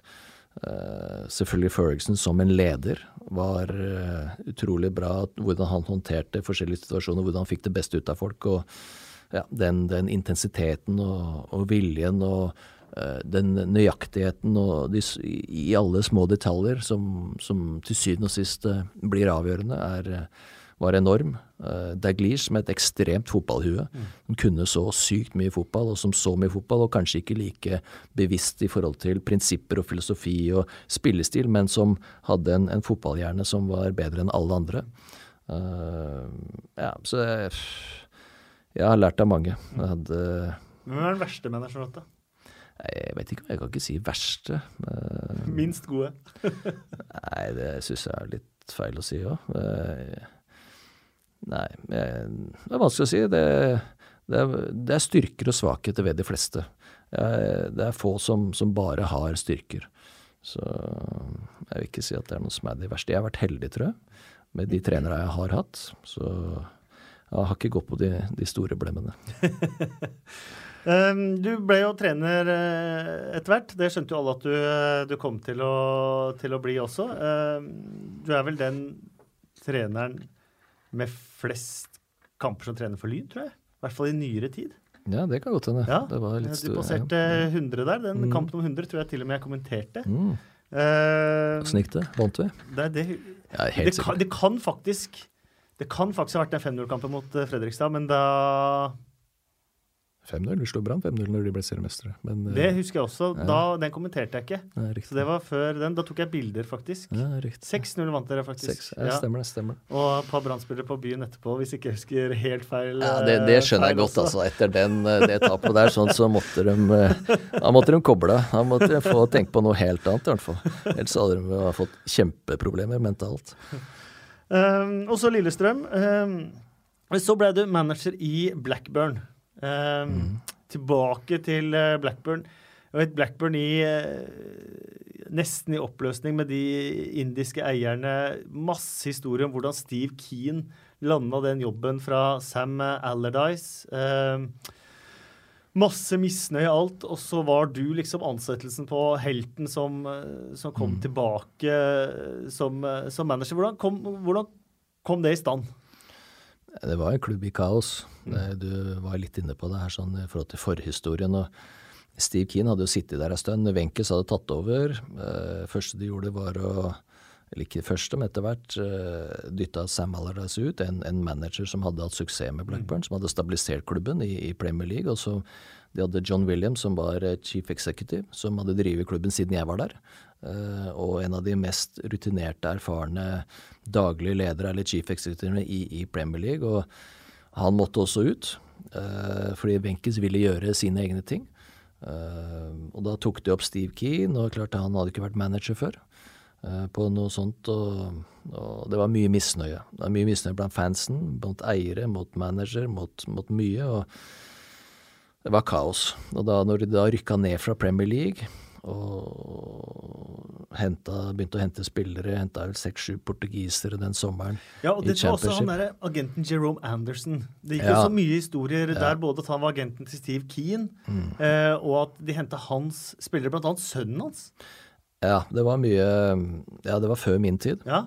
Så det var ingenting, ingenting av det var oppe og gikk når, når jeg begynte. Men jeg var da ikke der så lenge, så. så det, det, hva som skjedde etter, det vet jeg ikke. Men eh, de hadde også en, en, en eh, Eierens representativ da, i England var en som het Shebby Singh. og klart eh, Han hadde heller ikke hatt noe sånn jobb før. Og, og var litt sånn sportsdirektør. og ja, det, Men det var kaos i klubben. Det var folk som jobba mot hverandre. Det var folk som var uenige om de mest elementære tingene. Det var en spillertropp som som var det mest ubalanserte jeg har sett på, på lenge. og uh, Med noen eldre, rutinerte spillere som, og mange uh, utlendinger og portugisere som ikke har spilt i championship. Og et lag som hadde forsvart seg og, og spilt litt possession-spill i, i, Premier League de to-tre siste årene etter at Sam gikk, til et, og det laget da skulle da dominere og vinne kamper i championship. Så det var mange, mange ting som ikke var på plass, og jeg visste at det var en stor risiko eh, når jeg tok jobben. Samtidig så var det vanskelig å si nei. Ja. Uh, ok, du, du, kan bli manager i Blackburn, de, de rykka ned fra Premier League, de er i championship. Ja, det, det er mange ting som ikke stemmer her. Men uh, når du da uh, var ferdig i Lillestrøm og, og Eh, du jobba ikke som trener, og skulle da si nei til det, ville vært galskap, det også. Selv om kanskje mange mener at det er enda mer galskap å si ja. Men uh, jeg hadde trodd og håpa at jeg skulle få litt mer tid til å kunne få ting på plass. Uh, jeg begynte vel i jobben i, oktober og slutta i desember, så det, det, var ikke lenge. Jeg kom meg ikke til januar engang før jeg kunne begynne å gjøre noen justeringer, både på, i spillertroppen og, og, og i støtteapparatet. så ja, nå, nå så vidt holdt de med på å rykke ned òg. Nå har så vidt de holdt seg. og Det har vært mange bytter av trenere etter det, og er jo i league one nå. Men, men jeg tror det kunne vært mulig å få til noe der. Men uh, ja, det var altfor, altfor kort tid. Eirik Aase er en uh, Blackburn-supporter i, uh, i, Norge. Han har jo stilt noen spørsmål, vi ba om spørsmål på, mm. på Twitter. og han spør om det stemmer at du hadde en imponerende powerpoint-presentasjon i, i, søknaden din? Nei, det hadde jeg ikke. Jeg er ikke veldig god på powerpoints, så det, det er feil. Jeg tror det var noe Harry Redknapp sa, for han var linka til, til, jobben, han også. Uh, jeg tror han uttalte seg et eller annet var litt sånn uh, liksom alle disse unge, nye trenere med disse, power, disse ferske, feite powerpoint-presentasjonene. De er ikke gode på powerpoint, så det var ikke noe Ingen fare med det, nei. Nei, Så det var ikke fra, fra deg. Men det man hørte med Steve Keane, var at han var i India eh, i tide og utide og måtte mm. dra til India for å svare for, mm. eh, for eierne på, på, på, ståa. Måtte du det? Nei, men jeg burde ha gjort det. Ja. Fordi, eh, og jeg, Planen var at jeg skulle dra ned, for jeg ville sjøl møte dem og, og, snakke med dem. Og, og, få dem til å forstå hvem jeg var, hvordan jeg jobba, hva jeg tenkte. For nå gikk alt via via andre som ikke var like bra. Og jeg tror det hadde vært lettere å kunne fått til noe over tid hvis, hvis jeg hadde gjort det. Men det blei ikke til. Det var hektisk når jeg kom inn midt i sesongen med to kamper i uka og, uh, og hadde trodd at jeg, jeg, skulle få tid. Ja. Følte du deg i en skvis mellom uh, supportere som du var glad i, og som var glad i deg, og, uh, de indiske eierne som du på en måte var ansatt av, men som supporterne hata? Ja jeg, jeg, ja, jeg, hadde bra forhold til supportere. Uh, og det, jeg fikk ikke noe pepper fra supportere i det hele tatt når, når jeg jobba der. og selv om vi sleit litt resultatmessig, så var det ikke noe pepper eh, som, som kom min vei. Det var heller eiere og Shebby Singh som fikk pepper. og Det er jo største utfordringa som hovedtrener, da, når eh, når det er styre eller eiere eller sportsdirektør som får pepper, da, da veit du hvem som må gå. Det er, det er ikke de, det er treneren. Ja, Men det gjør jo også at du, du, du på en måte, du kan, du kan, jo ikke slakte dem selv om du har lyst heller, på en måte? Nei, jeg hadde ikke noe lyst til å slakte noen som helst. Jeg bare visste at det var mange ting som ikke stemte internt i klubben, som ikke hadde så mye med eierne å gjøre, egentlig. For at eierne la mer rammer og forutsetninger, og at de holdt seg litt på sida, greit. Så jeg hadde aldri noe problemer med de. Største utfordring jeg hadde, var liksom med hvordan klubben var Eh, hvordan man jobba i det daglige sammen, og hvem som bestemte hva, og hvordan ting eh, hang sammen. Det var den største utfordringa. Eh, og det hadde vært mulig å få til, men det, ikke på den tida der. Um, du, vant 4-1 mot Peterborough, den husker jeg skåra Jordan Rhodes hat trick. Mm. Følte du egentlig at det var å runde hjørnet, at da var du på gang? Jeg følte at det var et bra framskritt. Husk den første kampen vi hadde, var vel bort mot Palace, som leda serien og, dominerte fullstendig. Vi, vi tapte den kampen. Der var vi ikke gode nok. Jeg hadde hatt lag i to, to treninger. Før Peterborough så hadde vi trent en uke. Så vi fikk på plass litt mer. Så jeg følte egentlig at da, da, da var vi sånn som vi Nærmere det vi bør være. Selv om Peterborough var et lag lenger ned på tabellen og som vi, egentlig bør slå, og det, det gjorde vi, men vi, vi, spilte en bra kamp. Du fikk 57 dager, dager, eh, ti kamper. Eh, hvordan fikk du beskjeden om at du fikk eh, sparken? Nei, altså Det var en telefon om morgenen etter jeg tror jeg har tapt borte for Middlesbrough 1-0. Eh, de lå som nummer tre eller fire på, i, i, ligaen. og Vi gjorde en grei match, jevn kamp, men tapte 1-0. Eh, Utfordringa var litt eh, også spilleoppsettet når, når jeg kom. Vi tror vi hadde fire lokaloppgjør og uh, spilte mot i tillegg to-tre av de topplagene også. Vi spilte mot Blackburn, Bolton, eh, Burnley, i tillegg til Middlesbrough og Palace. Så, så det var tett, tøffe, jevne kamper. Eh, men selvfølgelig, vi ja. Vi, men hadde du fått noe signal på forhånd at den telefonen kunne komme? Nei, det hadde jeg ikke. Men, så det var sjokk? Nei, sjokk veit jeg ikke. men noen ganger skal du alltid få en liten følelse at hvordan sånn folk er, om de ser i øya og sånne ting, og hvordan folk uh, Kroppsspråket på folk. Men det, jeg visste jo selvfølgelig at uh, vi kan ikke fortsette å tape fotballkamper selv om du spiller jevne kamper. Selv om det Men det er klart du taper hjemme for, for Bolten. Det, det, er aldri noe populært. og heller ikke borte for Blackpool den gangen, selv om de kom jeg vet ikke om de kom fra Premier League eller hva de burde de rykka opp, det vet jeg ikke. Men de eh, jeg tror kom fra, kom fra Premier League. Riktig. Ja. riktig. Sammen med Endte du på playoff der og ja, hvis ikke husker helt feil? Så vi, vi møtte gode lag og spilte jevnt, men uh, vi vant ikke kamper. og det, det var Men jeg tror at uh, det var ikke det som var hovedgrunnen. Hovedgrunnen var hvordan vi jobba sammen. Mm. Og jeg, når jeg skjønte hvordan ting egentlig var internt også, når jeg visste om åssen det alt var Jeg visste at det var en stor risiko, men jeg fikk jo vite ganske mye mer og åssen det var å jobbe, så ja. Så, så var jeg, det var ingen overraskelse at det måtte skje forandringer. Så jeg hadde jo håpa at, eller ville at det skulle være andre forandringer enn, enn det som skjedde da. For at eh, det, klubben kunne ikke fortsette sånn som den gjorde. Det var en stor sak i, i pressen der med et uh, juleselskap. Mm. Uh, hvor det var noe Michael Jackson parykk, og du dro fra juleselskapet og sånn. Jeg tror aldri jeg har hørt hva som egentlig skjedde. Nei, det var ikke noe Det var bare vanlig juleselskap, og det ble en sånn stor mediegreie ut av ingenting. Så det var eh, Det var eh, en sånn juleavslutning hvor eh, alle ansatte i klubben var, med med koner og kjærester også. Ja, mer sånn en middag. Så var det underholdning og sånne ting. Og så var det noen komikere. Ja, det var, men det var ikke noe Ingen sure miner og ingen Det var blåst opp helt latterlig. Er det illojale folk i klubben som da har gått i pressen, eller? Nei, det veit jeg ikke. Det veit jeg ikke. Men det ble i hvert fall blåst opp. ja. Um, Steve Keen um, det var mye historie om han. Det ligger jo video ute på YouTube eh, hvor han står og prater med folk i en bar eh, og, og baksnakker Sam Allardyce eh, ganske heftig. Var det mange Steve Keane-historier som, som, kom opp da du, da du jobba der? Steve Keane var jo manageren som, som, var før deg. Ja, nei, du hørte lite grann, men det, jeg var ikke der når, når det skjedde, og det blir feil av meg å begynne å mumle om, om sånne ting. Så det jeg var ikke der. Så jeg, for meg var ikke så opptatt av å høre alt hva som hadde skjedd før heller. Det viktigste var det som skulle skje framover. Så ja.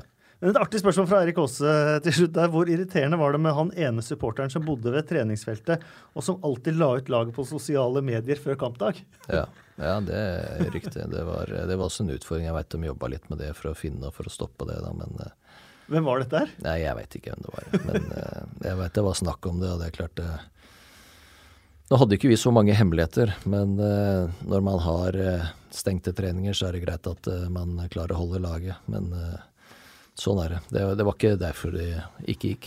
Nei, og så er det bare du Blackburn Burnley, tradisjonelt sett. Mm. Et stort derby. Du fikk jo, fikk jo oppleve det som mm. manager. Hvordan, hvordan, var det? Ja, det var kult, da. Det var Jeg spilte jo Blackburn når vi, når vi var i Championship, spilte vi mot Burnley. Det var første gang tror jeg på tolv år vi hadde spilt mot Burnley, og det var en syk stemning. Det var helt galskap. og det var... Uh, supporterbussen vår uh, Ingen fikk lov til å dra opp aleine. De måtte kjøre supporterbusser opp til stadion en time før inn på stadion. Og en time før stadion, uh, eller før kampen begynte, så var stadion full. Og det var syk stemning. Heldigvis eh, så vant vi den kampen. Jeg husker Jason McAteer skåra 1-0-målet. Og løfta henda og jubla foran og så på publikum og bare tok henda kjapt ned. Og gikk rolig tilbake til midtstreken. Han ble livredd. Men det er litt av den engelske fotballkulturen, det der, da.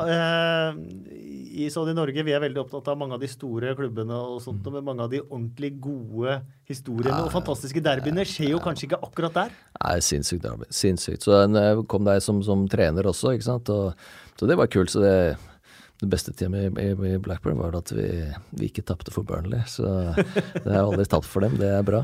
Men uh, vi burde ha vunnet, for de skåra på frispark uh, i siste minutt.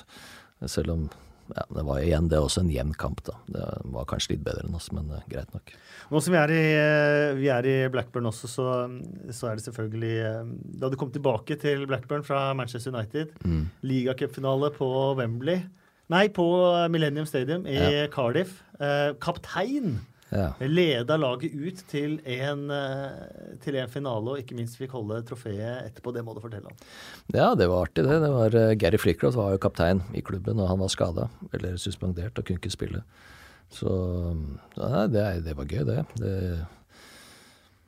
ja, slå Tottenham 2-1 og vinne Lia-cupen. Det var jo en svær stadion. Jeg vet ikke om det er 60 000-70 000 antar. og Uh, ja, det, du vinner ikke sånn så ofte. Så det var, det var kult. Vi hadde, ja, vi hadde bra lag, og ja, vi hadde litt flyt, men uh, vi vant 2-1. Det var kult. Ja, og På motsatt side sto Tim Sherwood og Teddy Sheringham og tidligere lagkompiser òg. Jeg var heldig. Les Ferdinand spilte for, uh, for, Tottenham, og jeg kunne faktisk blitt utvist etter ett minutt. Hadde en, uh, du og Klaus Lundekvam hadde, en, hadde, hadde en takling som var helt i grenseland, og hadde det vært i siste minutt, så hadde den kanskje kommet, men jeg tror dommeren tenkte at det er litt tidlig. og så jeg fikk tvilen gikk meg til gode. Så det, det var bra. Men eh, ja, Steffen Steffen kom inn, han da. Mm. Fikk ikke gjort så mye, men Nei, Dere to var, i, var vel i dueller der? Ja, nei, vi ja. kjente hverandre fra landslaget. Så, han, eh, ja. så Steffen var sikkert litt grint for han ikke kom inn. og prøvde seg litt, da, men han klarte ikke så mye. Apropos Steffen. Han, jeg hørte nå en podkast han var med hos Heia Fotball. Der forteller han jo noe Uh, artig historie med, med kjendiser og, og, sånt noe som han uh, blir introdusert til som mm. spiller i, i, Premier League, blant annet da han uh, da Will Smith hadde et lukka selskap. så ingen skido la, alle sto på utsida, ingen fikk komme inn. Så han tok bare en servi... Eller sånn Hva heter Ikke serviett, men sånn så nå har du er kelner? Ja, ja, over armen. Late som var kelner. Spaserte rett inn og festa med Will Smith hele, hele kvelden. Det er rutinert. Eh, hadde du eh, noe sånt i Manchester United og, og, og Blackburn? Blackburn var det kanskje ikke så mye. Det er litt, eh, litt mindre sted og litt roligere der. Men det var celebre mennesker du spilte med, blant annet? da? Ja, det var det. det var det. Men Var det mye filmpremierer og, og sånt? Nei, Vi var ikke så opptatt av sånne ting. Jeg, veit ikke hvorfor, men eh, vi, det var den tida der. Nei, I United så var det selvfølgelig mange kjente folk som kom innom. Jeg kjente jo ikke alle, men Nei, det ja. Jeg møtte Sean Connery faktisk i Ja. garderoben i, i, i Glasgow Rangers. Han var jo Scott og Rangers-fan, så han har jo bilde av sammen med det. Jeg er veldig fornøyd med, med Sean Connery. Eh, men Rangers-perioden det pratet vi litt om. Du, eh, du spilte med Frank de Boer Ja. eh, der i, i, i Forsvaret. Noen, noen, forsvaret var ikke så mange kamper. Det Noen Nei, kamper. Eh, men der også var det et, eh, er det et brukbart eh, derby som pleier å koke bitte litt. Ja, det var kaos. Det, var, det er trøkk, vet du. Det er eh, Celtic Rangers er det. Ja. største, kanskje nesten det største derby i, Europa, eller? Ja, det er, det er stort i hvert fall. Det er, og det er av flere grunner til det. En er at det historisk i, i så mange år så har det vært bitre rivaler, og så er det religion som spiller inn også. Eh, Celtic som er eh, katolikker og litt eh, mer irsk vei, mens Rangers som er mer protestanter og mer den engelske veien. og det, ja, det er bygd seg opp over sykt mange år, så den, den ligger i, i folk der oppe. og det blir sinnssyk stemning, og det Du bør helst ikke tape de kampene. Vi gjorde riktignok det, men eh, så det var ikke like artig. Men eh, det, det var noe spesielt å være på, selvfølgelig. Men den aller, aller beste stemningen jeg har vært med på, det var faktisk eh, på Ibrox, Rangers.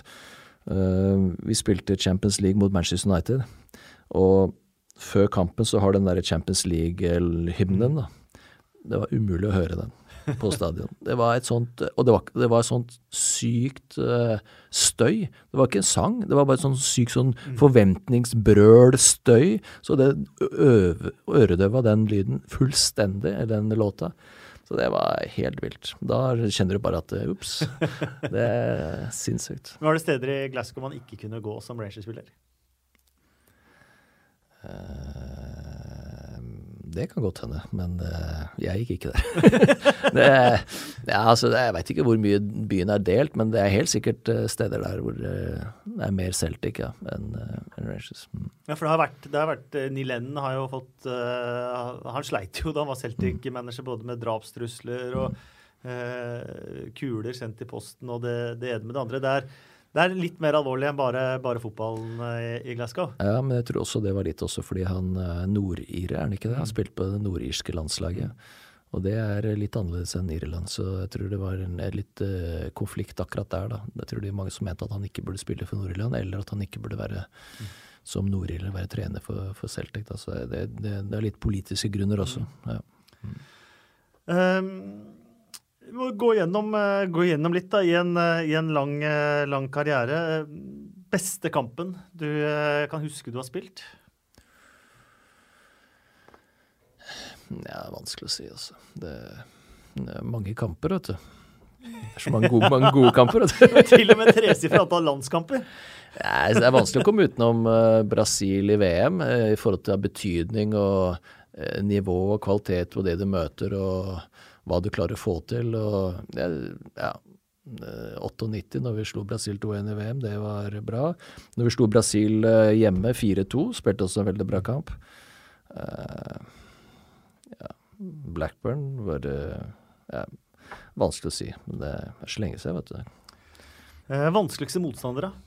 Det varierte også, for at for meg så var det ikke alltid de beste spillerne som var de vanskeligste motstanderne. De, de vanskeligste ofte de som var mest uforutsigbare, de du ikke visste helt hva skulle gjøre. Noen veldig, veldig gode spillere, sånn som f.eks. Thierry Henry, gjorde stort sett de samme tingene hver gang, men de gjorde det sykt bra. Men for meg, ut ifra mine ferdigheter og hvordan jeg spilte, så, så, så var det en fordel å vite hva de gjorde, og da kunne jeg håndtere det.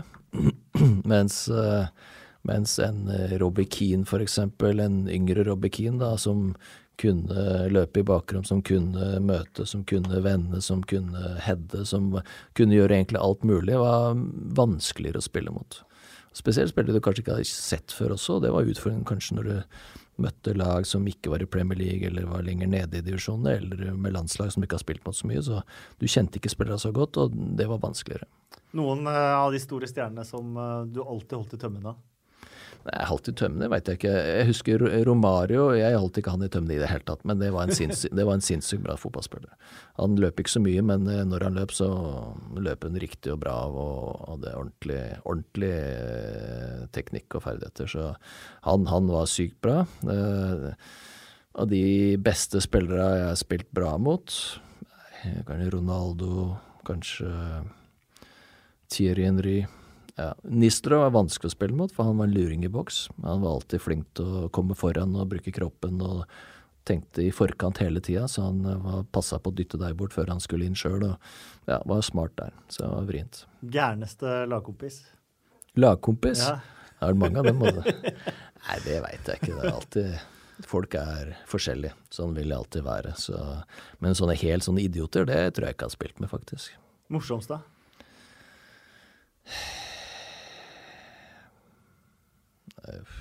Morsomste Hvem var det satt og lo av hele tida?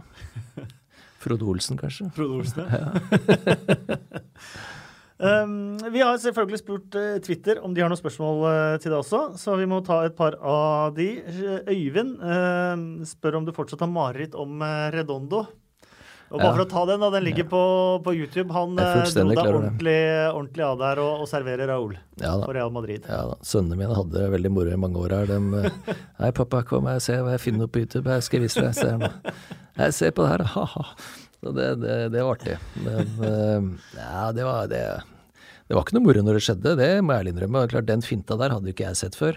Det var ikke så mange som har sett den før heller, for han var en av de første som begynte med den. Men han da sklei forbi og slo pasning inn, så en eller annen scora. Så. Raúl ja, sto helt aleine. Hvorfor han sto helt aleine, det kan jo stille spørsmålstegn om. Men, eh, men det ble mål, og jeg ble dribla, så det, det var ikke noe moro å se. Det var kvartfinale, tror jeg, i, i Champions League også. Det var, eh, det var kjedelig.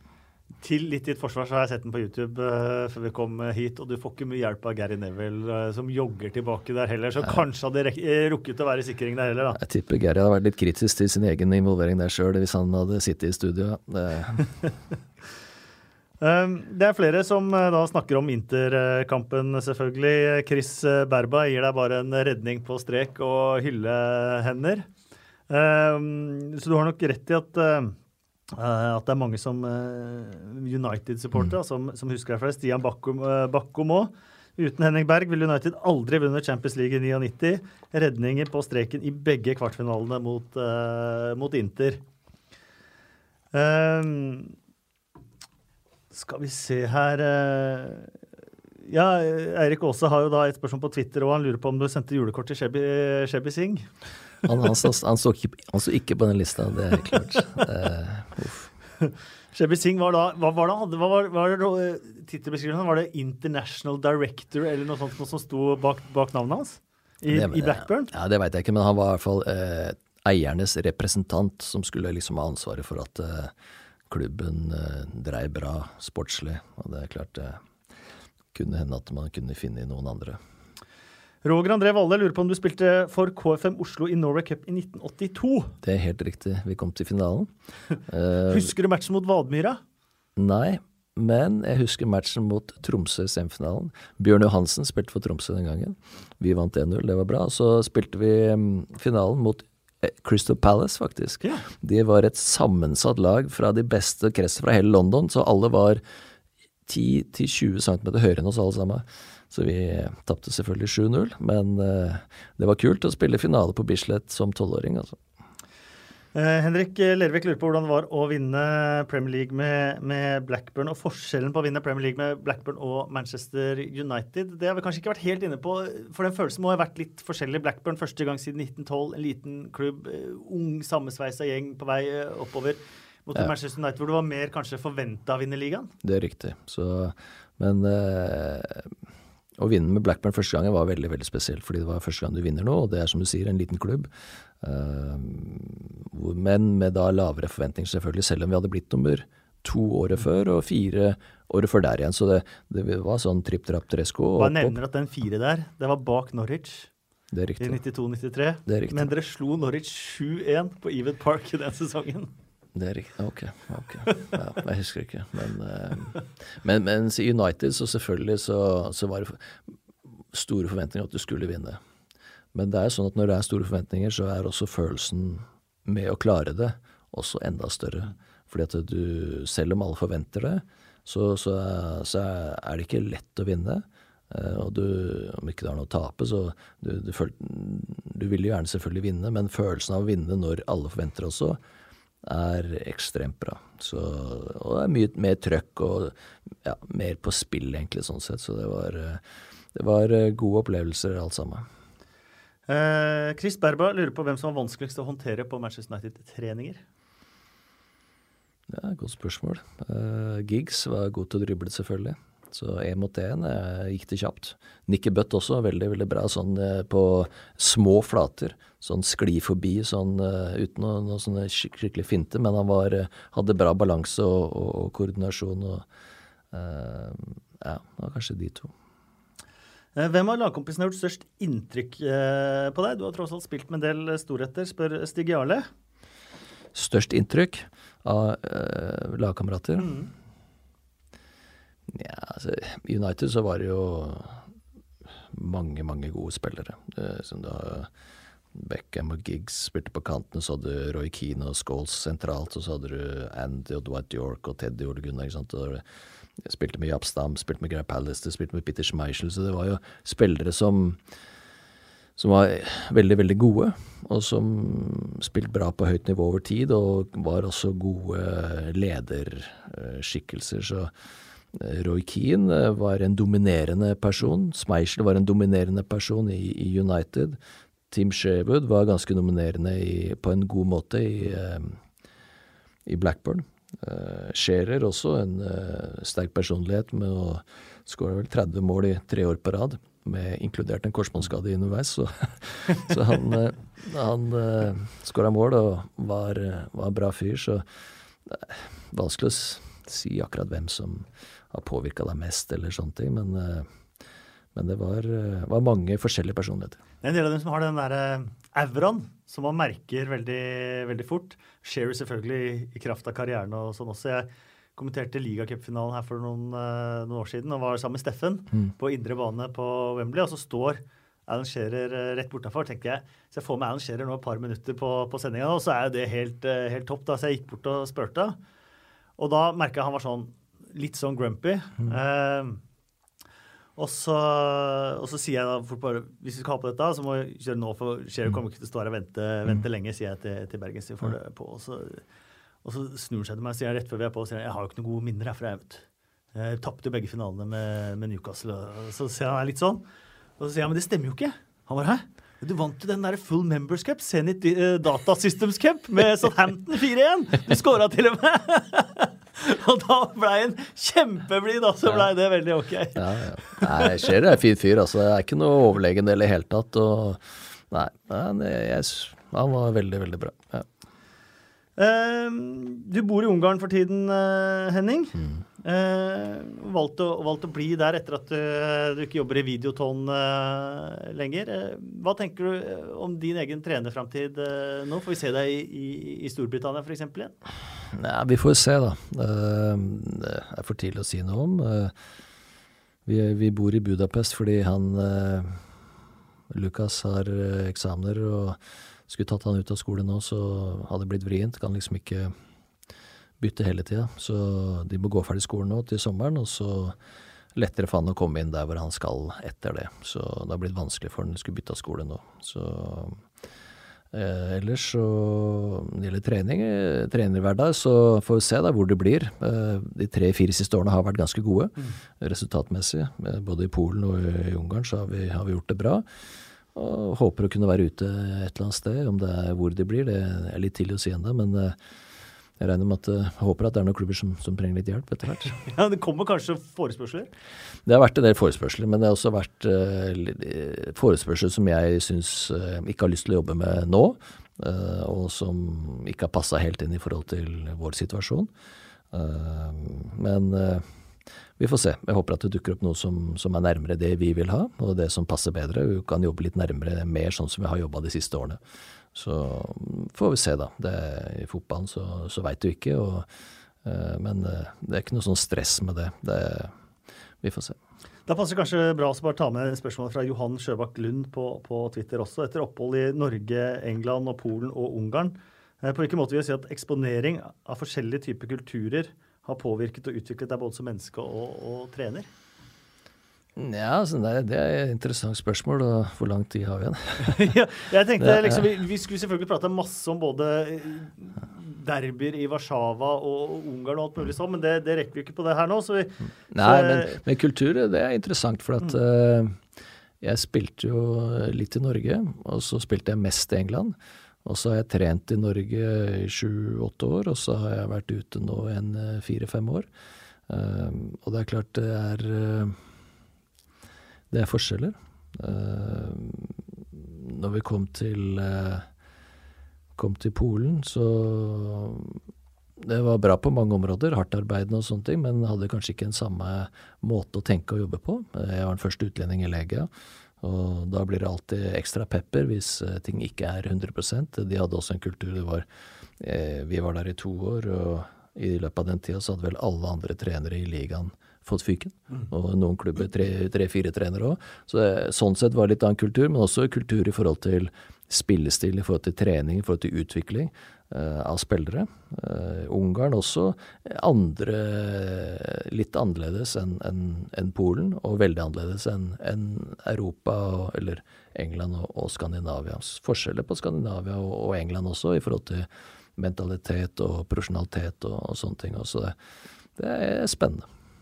Eh, det, da må vi bare nevne så vidt kjapt det, den derre må ha vært ufattelig bittert uh, å slå Ronny Deila og, og, Celtic. Og måten man da røk ut på ved at uh, spiller som spilte kvarter Spilte fem minutter. Fem minutter uh, ikke var, var, registrert. Ja, det var, det var, det var, det var kjipt. For at Eh, fotballmessig så, så, hadde vi gjort to veldig gode kamper. Vi, vi vant 6-1 til sammen og sånne ting. Så, så det, den vil alltid være der. Men vi da mista muligheten til å kunne kvalifisere oss inn til mm. Champions League, som hadde antageligvis gitt oss en, en, økonomisk plattform til å kunne fortsette å bygge lag og utvikle oss, i stedet for at vi nå Ok, vi kvalifiserte oss inn til Europaligaen, vi gjorde det bra der. Eh, men økonomisk så var det ikke det den samme eh, samme premien. Og eh, vi måtte i januar måtte, solgte vi to-tre spillere. Og eh, ja, vi, vi, vi, måtte trappe ned, og så måtte vi hente igjen til sommeren. Så det blei en mye mer turbulens mm. enn det, det, det hadde trengt å være. For det første året i Lega var strålende. Da hadde vi sinnssyke resultater og gjorde det veldig, veldig bra. Men når vi måtte begynne å selge når vi egentlig ikke, ikke, ikke, ja, egentlig ikke skulle, for at I forhold til uh, planlegging og sånne ting, så, så, så ble det litt annerledes. Så, så det er klart, det, det, det var kjipt. Og for Celtic også, liksom. Det protestere på en spiller som hadde stått over i tre kamper. Men fordi han ikke var registrert i de tre kampene han sto over, så var det ikke registrert at han hadde stått over, selv om, ikke, selv om vi spilte kamper da.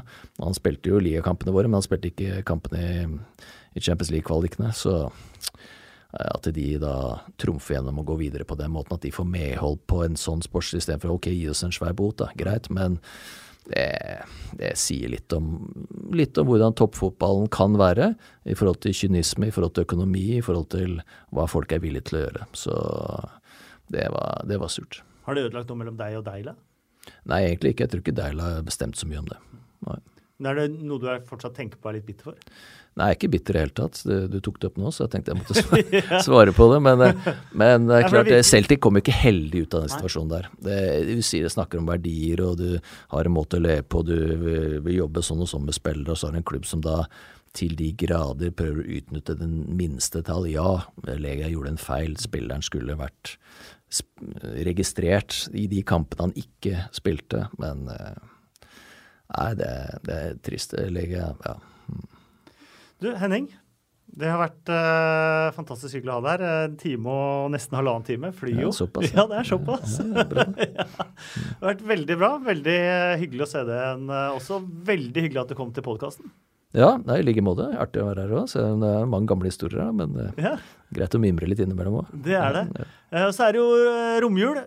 Når folk hører på det, så jeg håper du da har fått en flott jul hjemme i Norge med familien din. Mm.